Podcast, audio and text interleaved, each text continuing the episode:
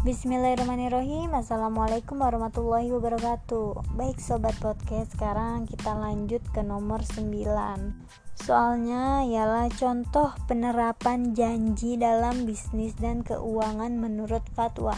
Bismillahirrahmanirrahim. Assalamualaikum warahmatullahi wabarakatuh. Baik sobat podcast Sekarang kita lanjut ke nomor 9 Oke soalnya Contoh penerapan janji dalam bisnis dan keuangan menurut fatwa Dari sumber referensi tafsir.com Fatwa Dewan Syariah Nasional nomor 85 garis miring DSN MUI garis miring 12 garis miring 2012 tentang janji WAT dalam transaksi keuangan dan bisnis syariah.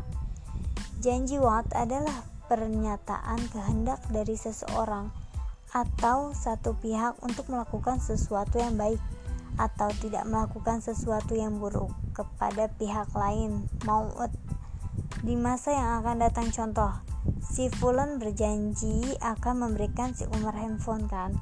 Nah suatu saat nanti jika si Umar berhasil menjadi juara umum di SMA-nya maka kewajiban si Fulan adalah menepati janjinya ketika si Umar berhasil menjadi juara umum di sekolahnya.